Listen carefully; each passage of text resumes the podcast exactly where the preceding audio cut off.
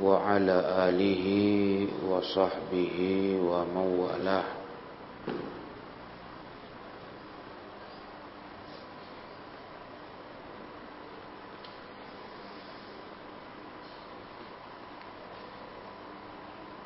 Kita melanjutkan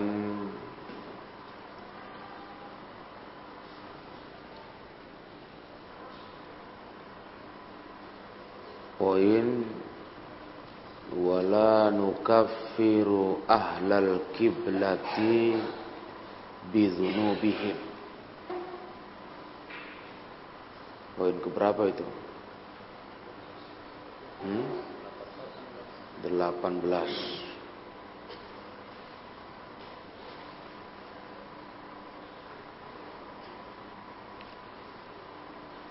wala nukaffiru ahlal qiblati bidzunubihim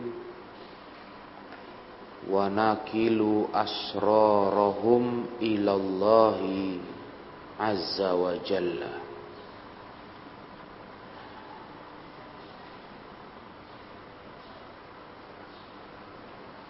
Kata Imam Ar-Raziyaini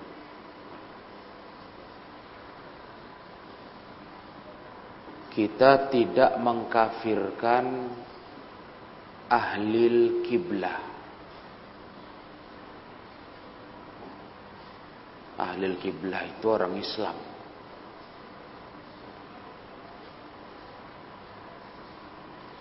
Orang yang sholat ke arah kiblat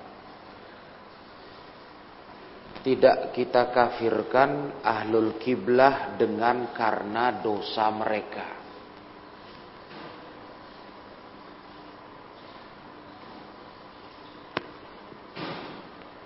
Wa nakilu asrarahum ilallahi ta'ala. Dan kita serahkan rahasia mereka artinya isi batin mereka kepada Allah tabaraka wa taala.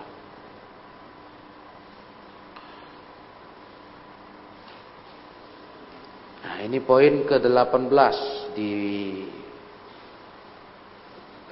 penomoran kitab kalian. Ini kaitannya erat dengan poin ke-17 yang berbicara tentang ahlul kabair. Poin 17 ahlul kabair itu orang Islam. Kita sudah belajar bagaimana sikap ahli sunnah ahlul kabair pelaku dosa besar itu tahtal masyiah di bawah kehendak Allah. Kalau Allah mau Allah ampunkan, kalau Allah mau Allah siksa. Itu arti tahtal masyiah. Nah.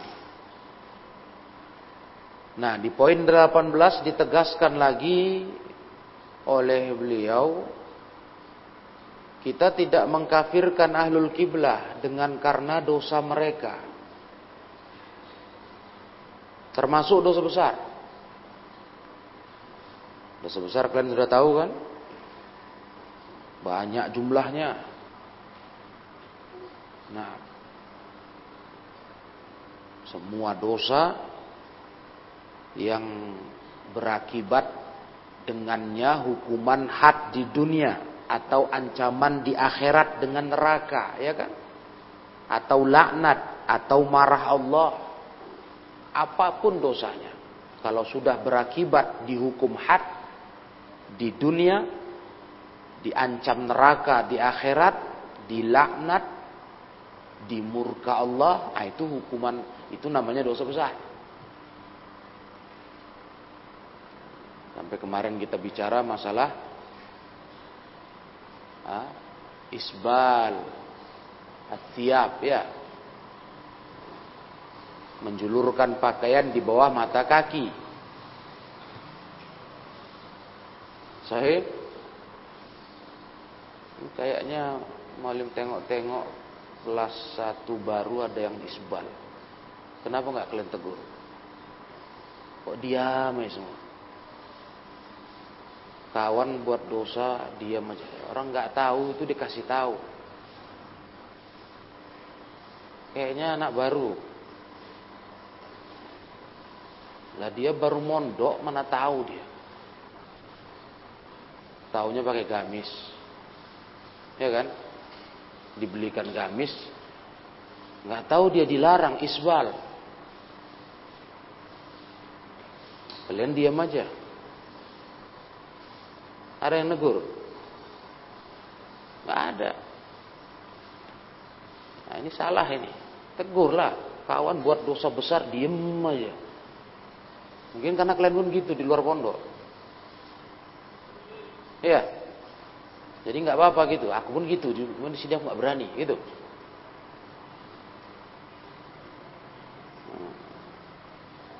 Nah dia baru mana ngerti. Gamisnya isbal, celananya isbal. Kamu nonton aja. Nah ini jelek ini nggak ada tegak nahi mungkar. Ya, mesti ditunjuk dulu, kau tugasnya, mesti gitu.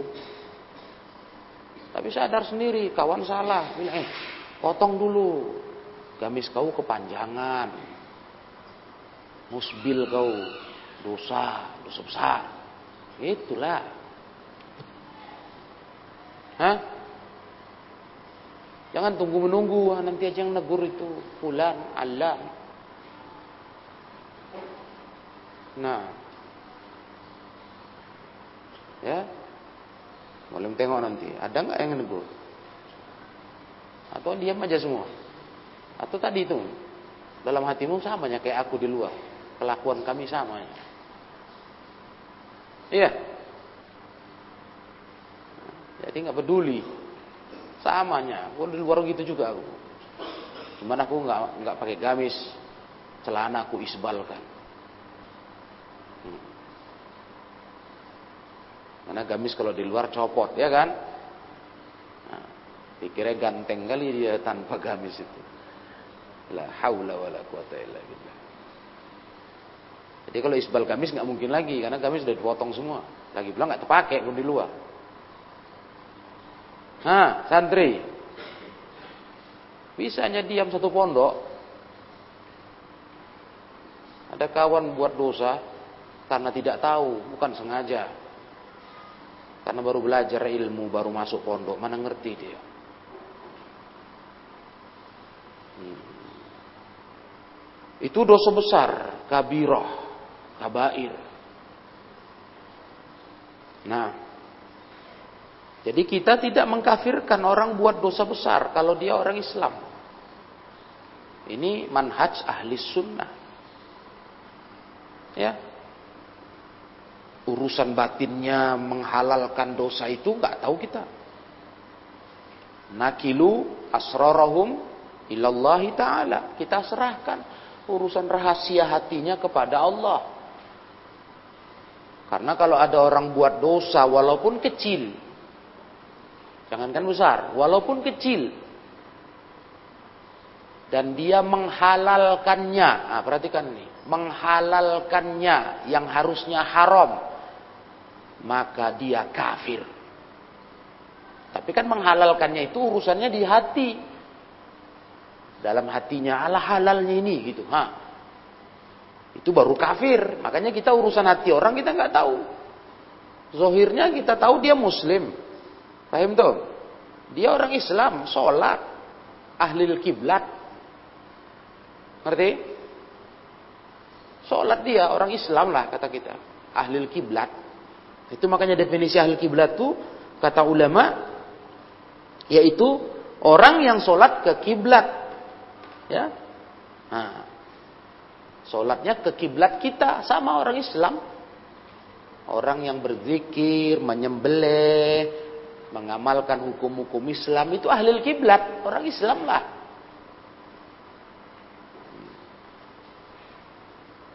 Ya, itu nggak boleh dikafir-kafirkan aja. Oh buat dosa dia, dia zina, zina, kafir. Nah, itu bukan orang ahli sunnah itu. Bukan paham ahli sunnah begitu. Hmm. Dia pejudi. Itu tempat judi. Berarti pelaku-pelakunya walaupun orang Islam kafir, judi dosa besar. Di situ ada khamr, mabuk-mabuk, minuman keras, dosa besar, berarti kafir. Bom. Nah, itu dia. Nanti ujungnya kan. Jadi teroris. Halal lah darah orang. Orang kafir. Itulah dasar pemikiran teroris itu itu. Makanya terus mereka boom hotel. Karena di situ orang maksiat banyak. Maksiatnya dosa besar. Dikafirkan mereka. Paham teroris ini. Khawarij ya kan. Nanti kita akan singgung. Nah, bahaya ini. Makanya belajar agama itu yang betul.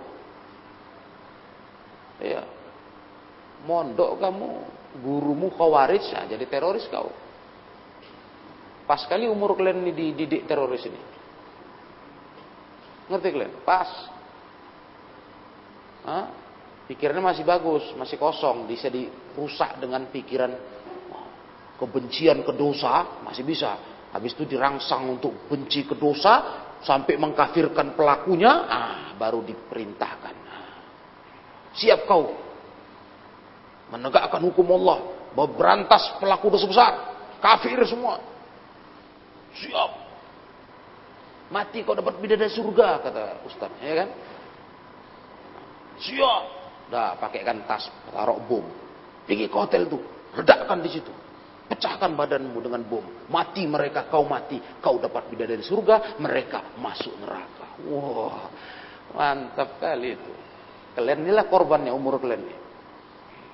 Belum ada isinya, belum ngerti. Iya juga ya, ini kata ustadku. Maka anak-anak muda itu yang banyak kena. Ya kan? Yang kalau kita berpikir sehat, kok yang bodoh mau.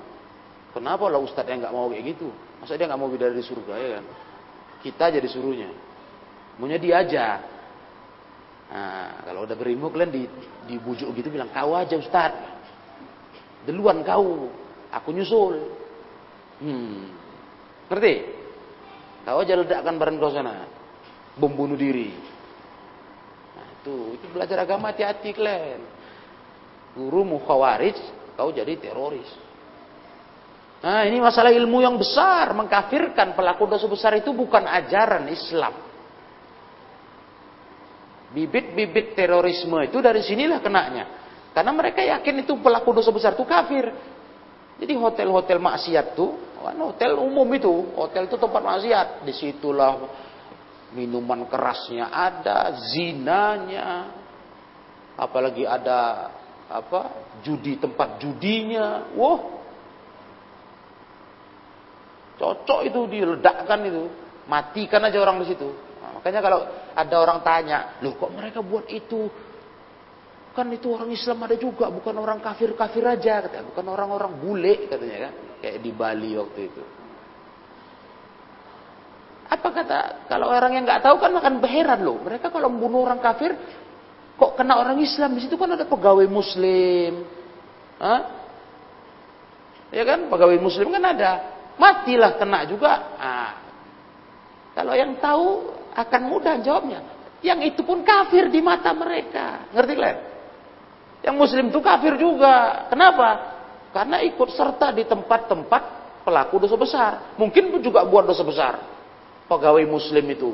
Mungkin mabuk, mungkin zina. Namanya di tempat orang kafir itu. Nah, jadi sama dia halal semua dibunuh. Berhabis semua. Bam.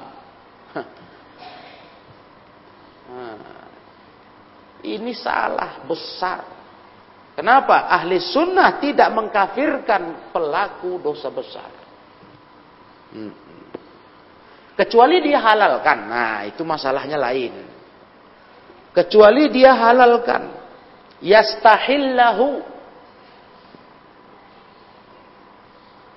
Umpamanya dia bilang, ini zina halal ini. Tak ada haram-haram katanya. Ini judi halal ini. Tak ada haram-haram. Nah, dihalalkannya. Jadi kafirnya bukan dia buat dosa besarnya. Tapi dia meyakini yang bukan hukum Allah. Allah bilang haram, dia bilang halal. Di sini dia dosanya. Apa? Kafirnya. Itu kalau dia ucapkan jelas, baru kita yakin, ah ini kafir nih orang. Bukan muslim. Kalau muslim mana mungkin berani bilang zina halal, ya kan? Betul nggak? Judi halal, mana ada muslim apa? Namanya dosa besar, udah paham semua orang Islam. Nah, kalau dia menghalalkan, barulah kafir. Sepakat ulama Islam, siapa menghalalkan dosa yang diharamkan Allah, dia kafir. Bahkan walaupun dia tidak berbuat dosa itu. Dia nggak judi, cuma dia bilang judi halal. Dia nggak judi, cuma dia bilang judi halal.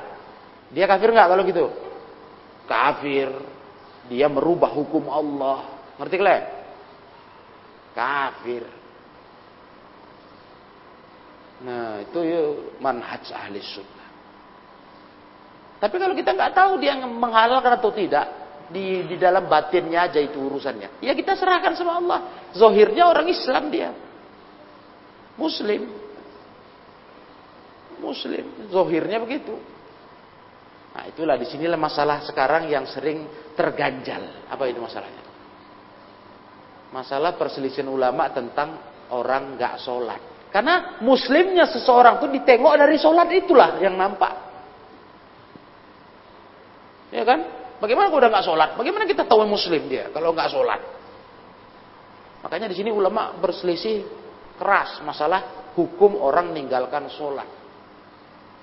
Karena untuk ngecek muslimnya seseorang itu ya sholatnya. Lah kalau udah nggak sholat apa lagi? Bagaimana tahu dia Islam? Mau ngecek zohirnya muslim dari mana? Ya sholat. Makanya sahabat tuh kalau mau merangi satu kampung itu nunggu waktu azan. Tunggu dulu azan. Ada nggak azan di kampung itu? Oh ada. Sholat. Oh mereka udah muslim ini. Nggak boleh diserang. Gitu. Makanya ulama itu berselisih tajam masalah ini. Mayoritas ulama ahli sunnah mengatakan kafir orang nggak sholat. Kenapa? Ya memang itulah masalahnya. Kalau dia nggak sholat, bagaimana tahu kita muslim? Ngerti kalian? Itulah tanda dia muslim. Ngeceknya begitu urusan hatinya kita nggak tahu. Jadi cara ngecek zohirnya orang Islam bagaimana? Sholat lah, tunggu waktu sholat. Sholat nggak ini orang? Nah, itu. Lah udah nggak sholat bagaimana? Makanya mazhab Imam Ahmad bilang yang nggak sholat kafir. Imam Syafi'i yang bilang masih muslim sepanjang dia tidak menghalalkan meninggalkan sholat. Masih yakin wajibnya. Karena mazhab Imam Ahmad itu masalahnya. Orang kalau udah nggak sholat, gimana menandakan muslimnya? Gimana kalian mau tahu dia orang Islam? Bapeci. Kafir pun bapeci, ya kan? Belobe, kafir pun belobe. Begamis pun ada. Pendeta. Gimana kalian ngecek muslimnya kalau dari dari lainnya? Nggak bisa. Bisanya ya sholat. Karena orang kafir tak mungkin sholat. Ngerti kalian? Makanya sholat jangan main-main. Ini sholat main-main. Waktu sholat tidur. Ini tahun depan mau kasih semua tinggal di pondok ini liburan roh Idul Adha ini. Cabut pulang semua. Bisanya nggak santri nggak aktif sholat tidur dari waktu sholat di kamar. Kalau masuk santri baru tertib. Kalau santri liburan tidur dia. Azan keras, wow, pecah kuping tuh. Jadi nampak kan, belum bisa kalian ini. Coba ada di rumah, hancur lah kalian. Hmm? Di pondok tuh masih. Telat-telat, ada ketiduran. Apa itu? Yang di rumah gak tahu lagi, tante. Gimana? Di pondok itu kawan yang, yang tinggal di pondok kemarin. Nah, sholat tuh hati-hati, itu penting, yang nomor satu. Tak baik kalian kalau sholat, tak bagus. Orang yang udah terbiasa disiplin, dia udah refleks badan itu. Waktu azan tuh udah tersentak dia. Up. Apalagi azannya bunyi. Enggak enggak azan aja, enggak bunyi, dia waktu bangun udah. Karena badannya siaga, udah tertib dia, tahu tugas. Nah, kalau enggak tahu tugas tuh lah, lalok lah. Tidur. Nah, itu kan, jadi pondok masih. Cemana kalian masjid jauh rumah di rumah sana. Aduh, di pondok masjid sebelah rumah. Nah, ketiduran sih wajar sesekali mungkin ada kasus. Tapi kalau sempat terus-terusan nampak tak bisa ini. Inilah ilmu itu gunanya di situ, merubah kalian. Tandanya muslim itu sholat, ahlul kiblah itu sholat lah. Bagaimana nggak tahu? Kita tahu dia ki ahlul kiblat, sholat saja enggak. Apa tandanya tetanggamu orang Islam? Apa tandanya? Oh dia mengucapkan assalamualaikum. Orang kafir assalamualaikum. Loh, ini bukan maulim karang-karang. Di pajak itu Batak, Nasrani. Kalau dia terkejut, astagfirullah. Nah, biar tahu kalian. Maulim itu kejut. Ini kan non muslim. Ngucap dia, astagfirullah. Kalau senang dia, dia kemalim kasih kupon kurban semalam. Alhamdulillah. Jangan salah kalian kalau cuma ngucap-ngucap itu gampang itu, bukan tanda muslim. Karena muslim tahu kali dia bukan muslim. Biasa itu, alhamdulillah, astagfirullah, biasa. Bahkan la ilaha illallah katanya. Astagfirullah. Terkejut, oh, kafir. Terkejut dia ngucap la ilaha illallah. Ya. Jadi itu bukan tanda muslim seseorang. Solat, ah baru nggak mungkin dia solat, ya kan? Itu nggak mungkin itu. Kalau dia kafir nggak akan mungkin itu. Nah itu sholat itulah dijaga. Ya main-main kalian urusan sholat nih. Itu, itu tanda ahlul kiblat kata ulama manit tajah ilal kiblah fis sholat yang menghadap kiblat waktu sholat berarti sholat untuk ngecek orang itu muslim tengok waktu sholat sholat nggak dia nah, Begitu. Kalau udah meninggalkan sholat udah payah lah sudah. Makanya Imam Ibnul Qayyim bilang apa? Cerita dosa besar. Dari semua dosa besar yang kita sudah belajar kemarin tuh segala macam jenisnya itu. Yang paling besar lagi dari semua itu adalah meninggalkan sholat. Kalian tahu dosa besar kan? membunuh, makan riba, ya kan, main bank, makan riba, berjudi, berzina, dan macam-macam lagi. Yang lebih besar dosanya dari itu semua, tarkus sholah, kata Ibnul Qayyim. Meninggalkan sholat. Jadi jangan kalian pikir udah baik ada orang Orang itu bagus, nggak nggak pernah bunuh orang lain, nggak pernah mukul, nggak pernah berzina, nggak pernah minum khamr. Jangankan minum khamr, ngerokok pun nggak dia, masya Allah. Jangankan nyabu, ngerokok pun nggak pernah. Cuma nggak sholat. Bagaimana? Baik ini orang. Eh, Ini orang paling jelek. Bahkan dibanding orang yang mabuk-mabukan, teler, ah, judi, tapi waktu sholat gigit masjid dia. Kita bukan mengecilkan dosa besar itu, tapi dibanding orang yang katanya nggak buat dosa-dosa besar itu, tapi nggak sholat, lebih parah orang yang nggak sholat ini. Ngeri masalah nggak sholat ini, tahu kalian? Ya. Nah, jadi begitulah ngecek ahlul kiblat. Kalau kalau dihalalkannya dosa besarnya baru kafir. Ada menghalalkan riba. Nah, inilah sekarang ya kan, nah, itu baru bahaya itu. Halal riba. Gak bisa kita hidup nggak pakai riba katanya. Astagfirullah. Halal. Atau menghalalkan durhaka ke orang tua. Halal saja halalnya itu. Nah. Ini orang tuaku ini bukan orang tua biasa katanya. Bukan kayak orang tua lain-lainnya. Ini orang tua gila ini. Mulai udah jumpa orang gitu. Orang tua gak beres. Jadi halal aja durhaka sama dia. Astagfirullah. Aduh. Orang tuamu mau kayak mana pun ceritanya, tetap saja durhaka kepada dia haram. Paham dong? Itu dosa besar.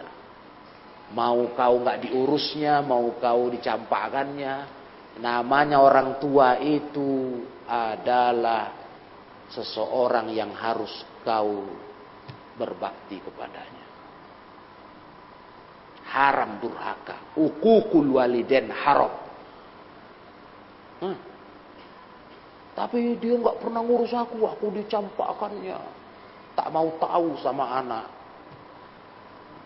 Jadi halal aja durhaka sama orang tua kayak gitu. Aduh. Nah. Ini contoh menghalalkan durhaka ke orang tua, ya kan? Nah, apalagi menghalalkan mutus hubungan saudara. Qati'atur rahmi, hubungan saudara diputuskan. Atau menghalalkan berhukum dengan selain hukum Allah. Dan macam-macam lagi yang lain. Nah ini baru pelakunya kafir. Itu pun nanti kalau tunjuk hidung, tunjuk orang, nah, ada orang buat gitu kita kafirkan itu belum juga bisa. Masih ada syarat-syarat ya kan? Kalau ini kan hukum umum ini. Kalau hukum tunjuk hidung, tunjuk orang, nah itu ada lagi syarat-syaratnya. Nah, begitu. Nah, jadi bagaimana pelaku dosa besar di hadapan ahli sunnah menurut ahli sunnah? Pelaku dosa besar itu adalah seorang muslim, bukan mukmin. Perhatikan kalian bedanya. Muslim bukan mukmin. Kenapa begitu? Karena mukmin kalau dimutlakkan mukmin itu orang taat. kalaupun kita bilang, tapi kan ada imannya dia, betul. Tapi dia naqisul iman, kurang iman. Makanya kita ngucapnya harus lengkap kata ulama. Begini ucapannya.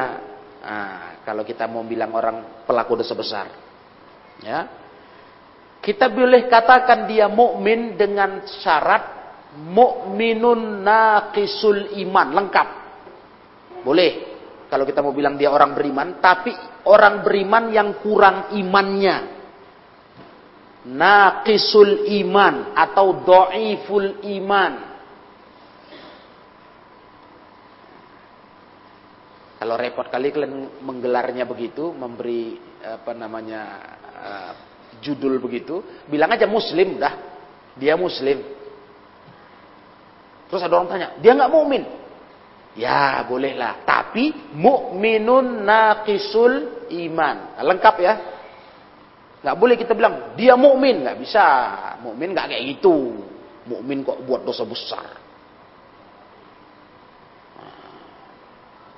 Dah, paham kalian cara menamai orang itu? Dia muslim itu pasti sudah. Muslim. Pezina, pemabuk, peminum khamr, semualah pelaku dosa besar. Muslim. Kalaupun dibilang mukmin, lengkapi naqisul iman atau dhaiful iman. Begitu. Itu akidah ahli sunnah, itu manhaj ahli sunnah. Nah, nggak boleh dibilang mukmin saja, nggak boleh. Harus di, dikaitkan dengan mukminun naqisul iman.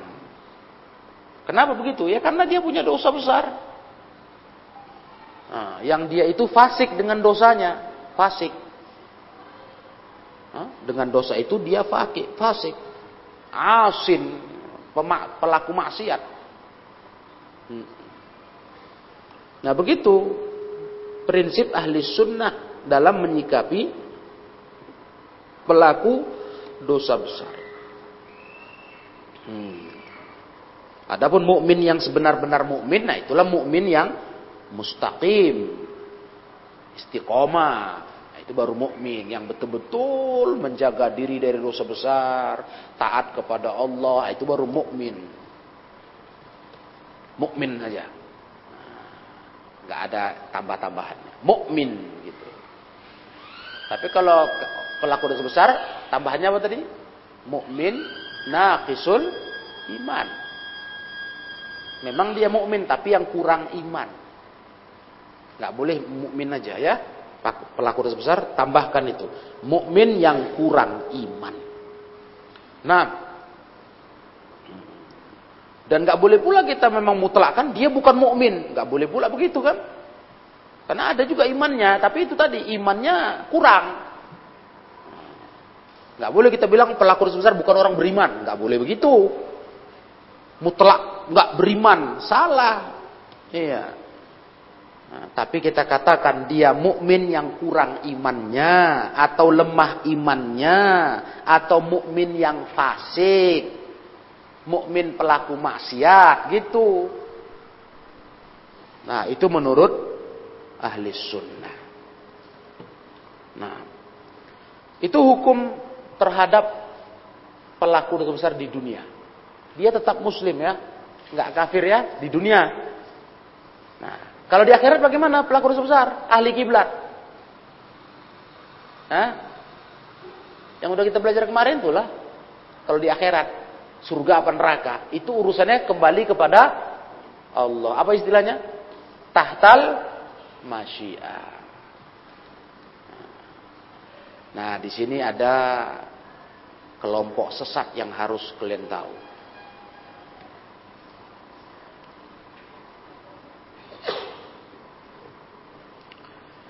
Kelompok pertama adalah kelompok khawarij. Ahlul bid'ah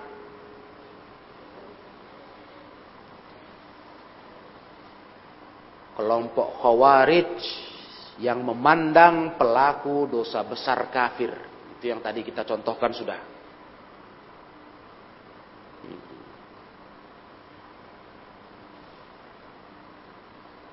Khawarij berkata pelaku dosa besar di dunia kafir. Di akhirat kekal di neraka. Gitu cara buat kesimpulannya kata khawarij. Inilah jadi bibitnya paham teroris. Tahu kalian? Mereka punya dalil. Punya. Nah, itu makanya. Hah?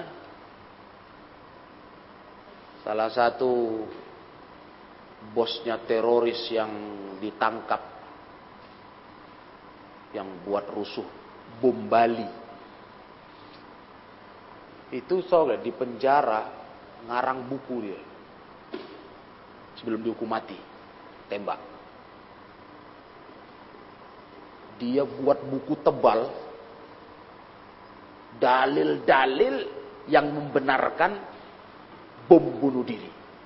Membunuhi orang Islam pelaku dosa besar. Yang kalian pikir mereka pakai dalil, pakai buat buku setebal ini. Itu makanya bahaya belajar agama ini kalau nggak betul-betul bahaya. Dia bukan bodoh, bukan nggak ada dalil. Uy, satu buku, bukan lembar-lembar, satu dua lembar catatan, bukan buku. Dalil ayat-ayat dia tulis hadis-hadis, uh, ngeri. Buku loh ya. Buku bukan buku 30 lembar dicetak lux, dijual. Cemana coba bayangkan kalian kalau kita nggak tahu manhaj ahli sunnah, rusaklah baca itu. Baca itu rusak, apalagi belajar sama dia, habislah kalian. Mana mana bisa kalian sadar teroris itu salah? Betul lah itu, itulah langkah perjuangan Islam katanya. Dalilnya jelas.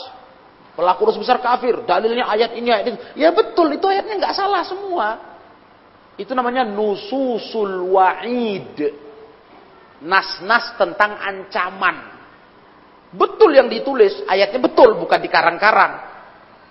Jadi kalian harus tahu ya, kelompok sesat khawarij itu punya dalil-dalil, tapi mereka salahnya di mana? Mereka hanya mengambil nususul wa'id, kata ulama. Nas-nas yang berisikan ancaman-ancaman pelaku dosa besar. Itu jadi pegang mereka. Nah, Kayak ayat yang berkata apa dalam Al-Quran. Ya, masalah pembunuhan. Ya kan? Betul kan? Wa mayaktul mu'minam muta'ammida Fajazauhu jahannam. Itu contohnya. Yang bunuh mukmin dengan sengaja, bunuh orang dengan sengaja, bunuh orang Islam, balasannya jahannam. Wah, tua. Ada dalilnya loh. Dan itu banyak. Di kitab mereka banyak. Jangan kalian pikir khawarij itu bodoh-bodoh, ngarang-ngarang cerita kayak orang ngigu. Enggak, dia pakai ilmu, mantap ilmunya. Itu yang teroris-teroris itu biar tahu kalian, itu jago baca kitab gundul semua itu. Lulusan pesantren, tahu kalian. Jangan salah. Lulusan pesantren, ustad-ustad itu. Jago-jago baca kitab gundul itu. Hah? Biar tahu kalian. Bahkan mereka baca kitab tauhidnya Syekh Muhammad bin Abdul Wahab. Tapi yang diambilnya, yang disibukkannya fokus ke bab tauhid aja. Hmm, iya, mualim terkejut. Ya. Pernah ada dulu anak Medan, kawan anak Medan mondok di pondoknya mereka. Ditanya, kalian belajar apa? Akidahnya. Kita tahu ini dia belajar di pondoknya Khawarij. Apa jawab dia? Kami belajar kitab Tauhid. Hah? Kitab Tauhid Syekh bin. Iya katanya. Wih. Kok bisa ya? Jadi kalian belajar tamat dari awal? Enggak. Kami mendalami bab tauhidnya. Waduh. Kacau. Makanya terus difitnah lah. Nah, begitu ada teroris, ditelusuri sama badan intelijen negara, buku apa dipelajari orang teroris? Hah? Kita butuhin. Hah, berarti yang belajar buku ini sama itu. Kena lah kita. Kita belajar itu. Ngerti kalian? Makanya dipukul rata sama banyak orang. Dibilang pokoknya udah baca Syekh Muhammad bin Abdul Wahab tuh, ah itu dah itu udah bibit teroris itu katanya. Ekstrim. Padahal Syekh Muhammad bin Abdul Wahab nggak kayak gitu. Nah itulah ngerinya mereka. Jadi kita kena pukul rata, sama aja semua, satu grup itu katanya. Padahal Masya Allah kita manhat ahli sunnah sangat anti sama mereka. Dan mereka pun tahu kita anti mereka, mereka anti sama kita. Mereka tahu kita anti mereka. Mereka paham nggak sejalan nih orang-orang di sama kami. Tahu dia. Nah, kalau di badan intelijen udah terdata itu, udah tahu. BIN namanya. Badan Intelijen Negara udah tahu. Makanya kita nggak khawatir ya. Nah, kalau ada mata-mata datang nengok-nengok taklim kita, mana tahu ini teroris, ah kita bilang, aduh, kau polisi kurang informasi kau bilang. Memang gak pernah khawatir, ada Dulu kawan kita polisi datang kemari mengingatkan, Ustaz, ini banyak aku tengok beberapa orang polisi di majelis kita Ustaz, ini mata-mata, biar aja. Biar ngaji dia. Lagi pula dongok itu, kok nggak tahu dia informasinya, ini masjid salafi, mahat salafiyah ini, ini lawan teroris. Nah, malah bilang gitu. Suruh banyak lagi datang kemari. Karena kita terdata di Indonesia kita ada badan intelijen negara terdata. Ini grup teroris, ini enggak. Udah terdata, kita tenang aja, udah tahu petugas badan intelijen itu udah tersimpan filenya.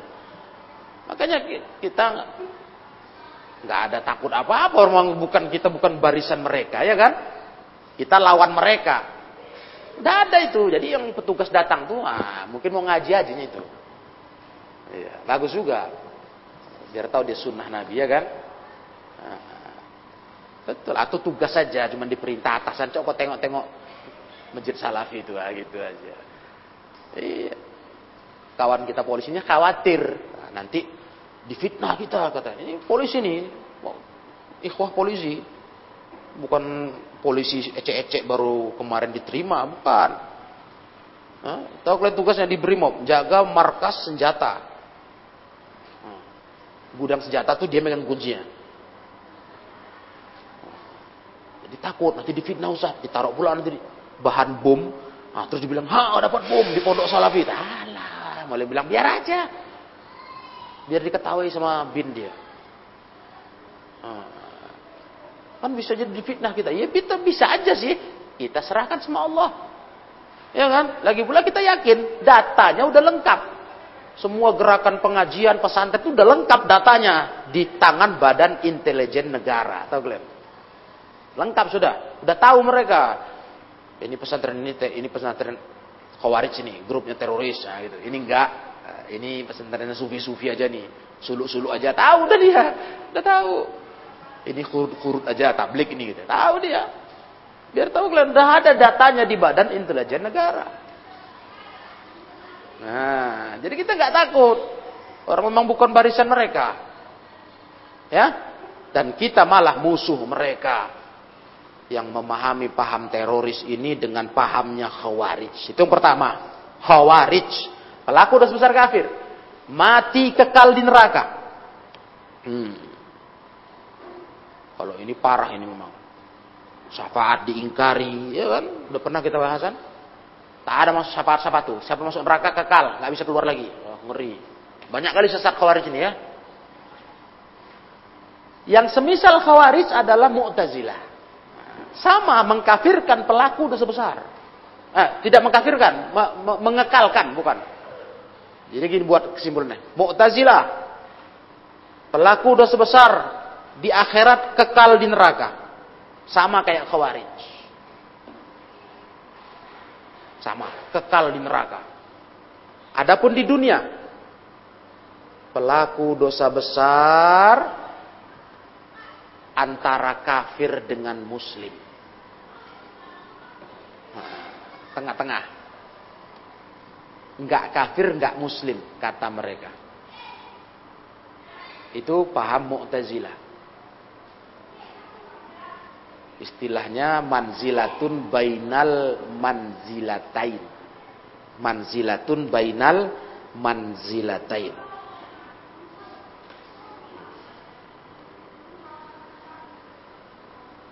Dah.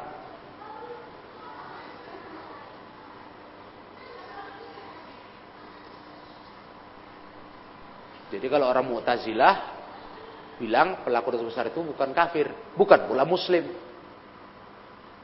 Jadi apa? Tengah-tengah. Ya apa? Ya nggak tahu. Entah apa namanya. Pokoknya manzilatun bainal manzilatin.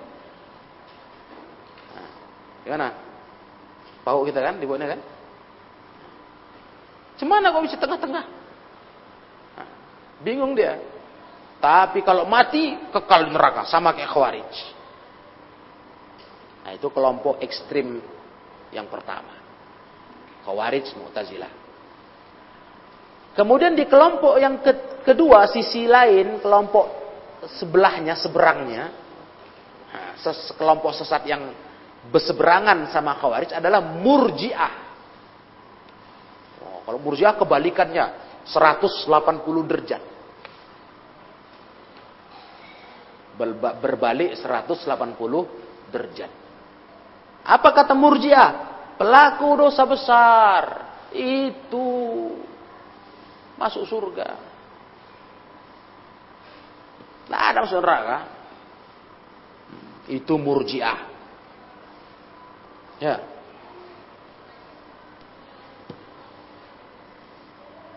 Kenapa gitu? Karena murjiah menganggap amalan tidak termasuk iman. Masih ingat nggak kalian pelajaran kita di usul sunnah? Hah? Imam. Murjiah berpandangan amalan tidak termasuk iman. Jadi kalau ada orang beramal dosa, buat dosa, buat dosa besar, nggak apa-apa, imannya nggak pengaruh, nggak rusak, kata murjiah. Karena iman itu sekedar keyakinan di hati dan ucapan lisan. Amal nggak termasuk. Jadi pelaku dosa besar itu menurut murjiah dia akan tetap masuk surga. Hmm. Karena imannya sempurna. Jadi perbuatan badan ini tidak mempengaruhi iman di hati, kata murjiah. Jadi mereka sangat berlawanan sama khawarij. Paham tuh? Tidak ada masalah. Kalau orang buat dosa besar bezina, minum khamar, mabuk, makan riba, nggak masalah itu. Yang penting, yang penting apa? Ayo, apa istilah-istilah ini termasuk di masyarakat kita banyak. Jadi memang di masyarakat ini begitulah, ada yang khawarijnya, ada yang murjiahnya. Itulah istilah yang populer di masyarakat. Yang penting kan hatinya. Ah, itu dia. Yang penting hatinya.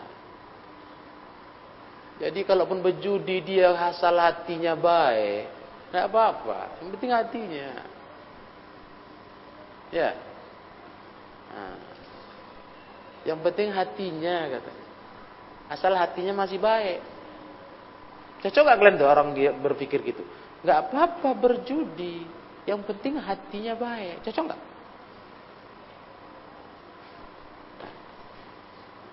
Jawab sama orang gitu, bilang, kenapa kau bilang hanya masalah berjudi aja? Coba kau ambilkan contoh yang melukai orang lain. Gimana? Bisa nggak? Kau bisa nggak berpikir begitu kepada orang yang mukul muka kau sampai peot? Terus kau nggak marah karena kau berpikir apa? Yang penting hatinya. Bisa? Nah gitu. Bilang sama dia. Besok kau ditumbuk orang peot muka kau, bilang. Jangan marah. Karena yang penting hatinya.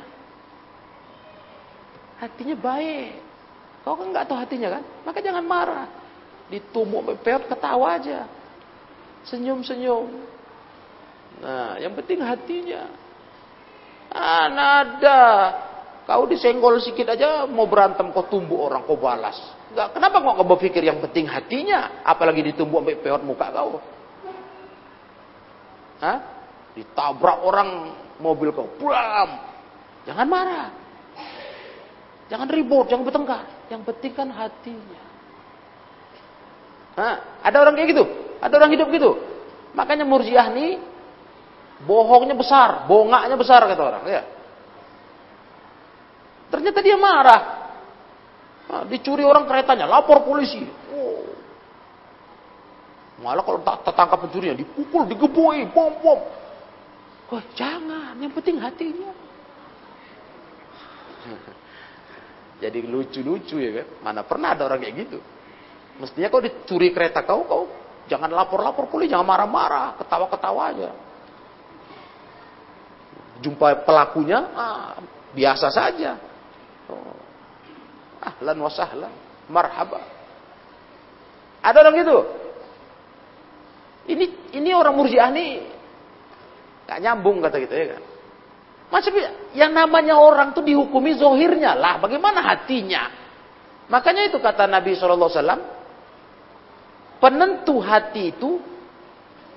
Penentu tubuh kita itu hati. Kalau hati baik, tubuh pasti baik. Ngerti? Kebalikannya, kalau amal kita baik itu tanda hati baik. Kalau amal buruk tanda hati buruk. Kenapa? Wa inna fil jasadi mudghah. Idza saluhat saluhal jasadu kullu. Wa idza fasadat fasadal jasadu kullu. Hati itu kalau baik, baik semua badan. Maka kalau badan orang baik, barulah bisa kita tahu hatinya baik. Karena menggerakkan badan ini hati. Lah bagaimana ada orang perbuatannya buruk, tapi yang penting hatinya baik. Gimana itu? Masuk akal itu? Gimana? Tandanya kita menilai orang itu ya zohirnya lah. Ada orang ngasih kita, ya fulan, ini hadiah untukmu. Kasihnya kita um, makanan. Ah itu kan zohirnya baik. Ah, menandakan hatinya baik. Walaupun kita nggak pastikan ini entah maksudnya apa, pokoknya yang jelas dia buat kebaikan, ngerti? Nah, pasti spontan kau akan menilai orang yang ngasih kau hadiah, baik dia. Betul nggak? Tapi kalau orang datang, ya fulan sini, pam. Gimana? Bisa kau menjawab, yang penting hatinya. Pasti kau bilang jahat. Betul kan? Pastilah. Dan tubuhnya pula dibilang baik. Penting hatinya. Jahat lah, jahat ini orang. Aku gak salah dipanggil. Pum, pukul. Jahat lah itu. Jadi murjiah ini bodohnya entah parah kali lah memang. Kok bisa amalan gak terkait iman? Nah, itulah dua kelompok sesat ini. Murji'ah, eh, eh, khawarij, kawannya Mu'tazilah. Bedanya cuma masalah apa tadi? Gelar kafir di dunia. Nah, satu sisi murji'ah. Nah, ahli sunnah di tengah-tengah. Itulah yang kita belajar pagi ini. Kelas? Ahli sunnah wasaton tengah-tengah. Maka ahli sunnah ini dituduh-tuduh aja ini ahli sunnah ini. Nanti ketika kita menyerang orang Khawarij. Kita salahkan mereka, kita bantah. Apa kata orang Khawarij? Orang teroris bilang apa? Inilah murjiah. Kita dibilang murjiah. Membela pelaku dosa besar, membela pezina, membela pemabuk, membela membela. Dituduh kita begitu. Kita dibilang murjiah. Ketika kita bantah murjiah, kita bantah murjiah tentang masalah iman itu tidak termasuk amal. Murjiah bilang apa? Itulah khawarij. Ini orang khawarij nih katanya. Kita dibilang khawarij. Nah, gitu-gitu aja memang hidup nih. Padahal kita di tengah. Ya kan? Kalau kita belajar betul-betul kalian sadar kan? Kita di tengah. Wasaton. Nah, tapi tuduhannya begitu. Bantah khawarij kita dibilang murjiah. Bantah murjiah kita dibilang khawarij. Paham semua sampai di sini? Nah inilah pelajaran kita. Makanya ahli sunnah itu nggak pernah suka ngafir-ngafirkan orang. Itu tuduhan bohong, tuduhan basi. Iya, kalau kalian mau nuduh begitu, tuduh khawaris, betul. Jangan kalian pukul rata aja orang-orang ngaji salaf. Katanya kan khawaris ngakunya salaf juga. Iya, bahkan mereka juga bilang kami salafi. Jangan kau pukul rata. Itu khawarij itu sebenarnya. Ya kan? Barisan teroris-teroris itu khawarij. Nah, jangan samakan. Jadi sekarang dipukul rata. Pokoknya katanya kalau ngaji bau-bau salafi ini suka ngafirkan orang. Siapa itu? Siapa yang suka ngafirkan orang? Kita malah takut. Malah kita belajar di Adabul Mufrad. Hati-hati lu bilang orang lain kafir. Melempar ucapan kafir. Ngeri kan? Apa kata Rasul? Di hadis Muslim. Bisa balik itu kalau nggak tepat sasaran. Kalimat gelar kafir kalau dilemparkan, diucapkan. Itu nyari sasaran. Ngerti? Kalau yang kalian tuduh kafir nggak kena, nggak cocok, dia balik lagi ke kalian. Nggak salah-salah aja gelar-gelari orang kafir, kafir, nggak bisa. Itu balik dia ke kita kalau nggak tepat, nggak cocok orang itu kita kafirkan, balik ke kita itu, cakap itu. Nah, jadi aneh lah betul kita dibilang suka ngafirkan orang. Siapa yang suka ngafirkan orang? Mana ada? Malah kita melawan orang khawarij yang suka ngafirkan orang. Nah, khawarij betul. Memang khawarij suka ngafirkan orang. Malah mereka meyakini semua pelaku dosa besar kafir. Nah. Dah, semua paham ini. Akhwat paham kalian di belakang tuh. Ini akidah ini, akidah dan manhaj. Kayaknya banyak orang salah belajar, rusaknya di sini. Katanya belajar agama juga, mondok juga. Tapi yang dia, di, diajarkan ke dia cara pikir yang sesat. Itulah hasilnya tadi lulus jadi khawarij. Huh. Jadi ekstremis, teroris. Ngeri kan? Lulus pesantren. Ada lagi jadi murjiah. Hmm. Akhirnya buat dosa pun sama dia nggak apa-apa. Yang penting hati jaga. Iya, iya, tamat pesantren kok bisa pula uh, main judi. Wah, kok bisa pula minum komer, mabuk, main perempuan. Rupanya itu tadi. Yang penting hati kita jaga katanya. Uh, tingkah laku boleh bisa apa saja, tapi hati jaga. Wow. Aduh, aduh, hancur betul lah. Belajar lama, jauh lama-lama, mahal-mahal, sesat pula. Nah, ini peringatan sama kalian ya. Hati-hati belajar ilmu ini nggak asal-asalan. Karena banyak kelompok sesat dengan paham sesat beredar di masyarakat. Jadi harus betul-betul kalian dari sumber yang sesuai dengan ahli sunnah wal jamaah dengan paham salafus salih. Ya sudah, habis sudah poin 18 ini. Ya. Jadi sudah lengkap sudah dua poin 17 18 yang berkaitan masalah pelaku dosa besar dan tidak kita mengkafirkan ahli kiblat. Ya ingat itu? Tidak berani mengkafirkan ahli kiblat dengan dosa yang mereka lakukan. Nah wallahu a'lam bissawab. Subhanakallahumma wa bihamdik asyhadu an la ilaha illa anta astaghfiruka wa atubu ilaik. Walhamdulillahi rabbil alamin